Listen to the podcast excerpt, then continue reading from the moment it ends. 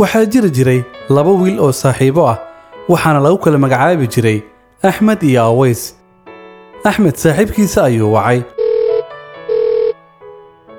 Wuxuuna ku yidhi saaxiib hooyaday ayaa xanuunsanaysa aniguna ma haysto qiimaha daawada ee saaxiib ma i caawin kartaa.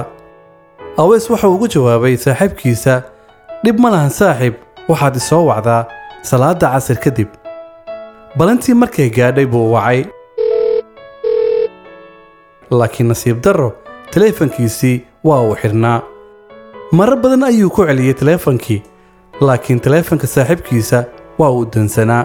Haddana aad buu u wacayey ilaa uu ka qoostay. Wuxuu bilaabay inuu raadiyo qof amaahiya qiimaha daawada hooyadii laakiin nasiib darro cid amaahaysaa ma helin. Axmed waxa uu dareemay in adduunka oo dhan uu ku cidhiidhiyoobay. Waxa uuna aad u murugooday xanuunka hooyadii iyo inuusan caawin karin balse murugadiisa ugu weyn waxay ahayd sida saaxiibkiisa aways uu u hoojiyey.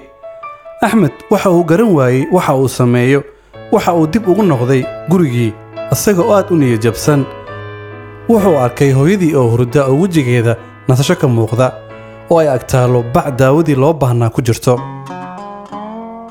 Farxad iyo amakaag baa kala jiidhay waxa uu u tegay walaashii wuxuuna weyddiiyey qofka daawada keenay waxay ku tidhi saaxiibkaaga aways ayaa yimid asaga ayaana keenay daawada.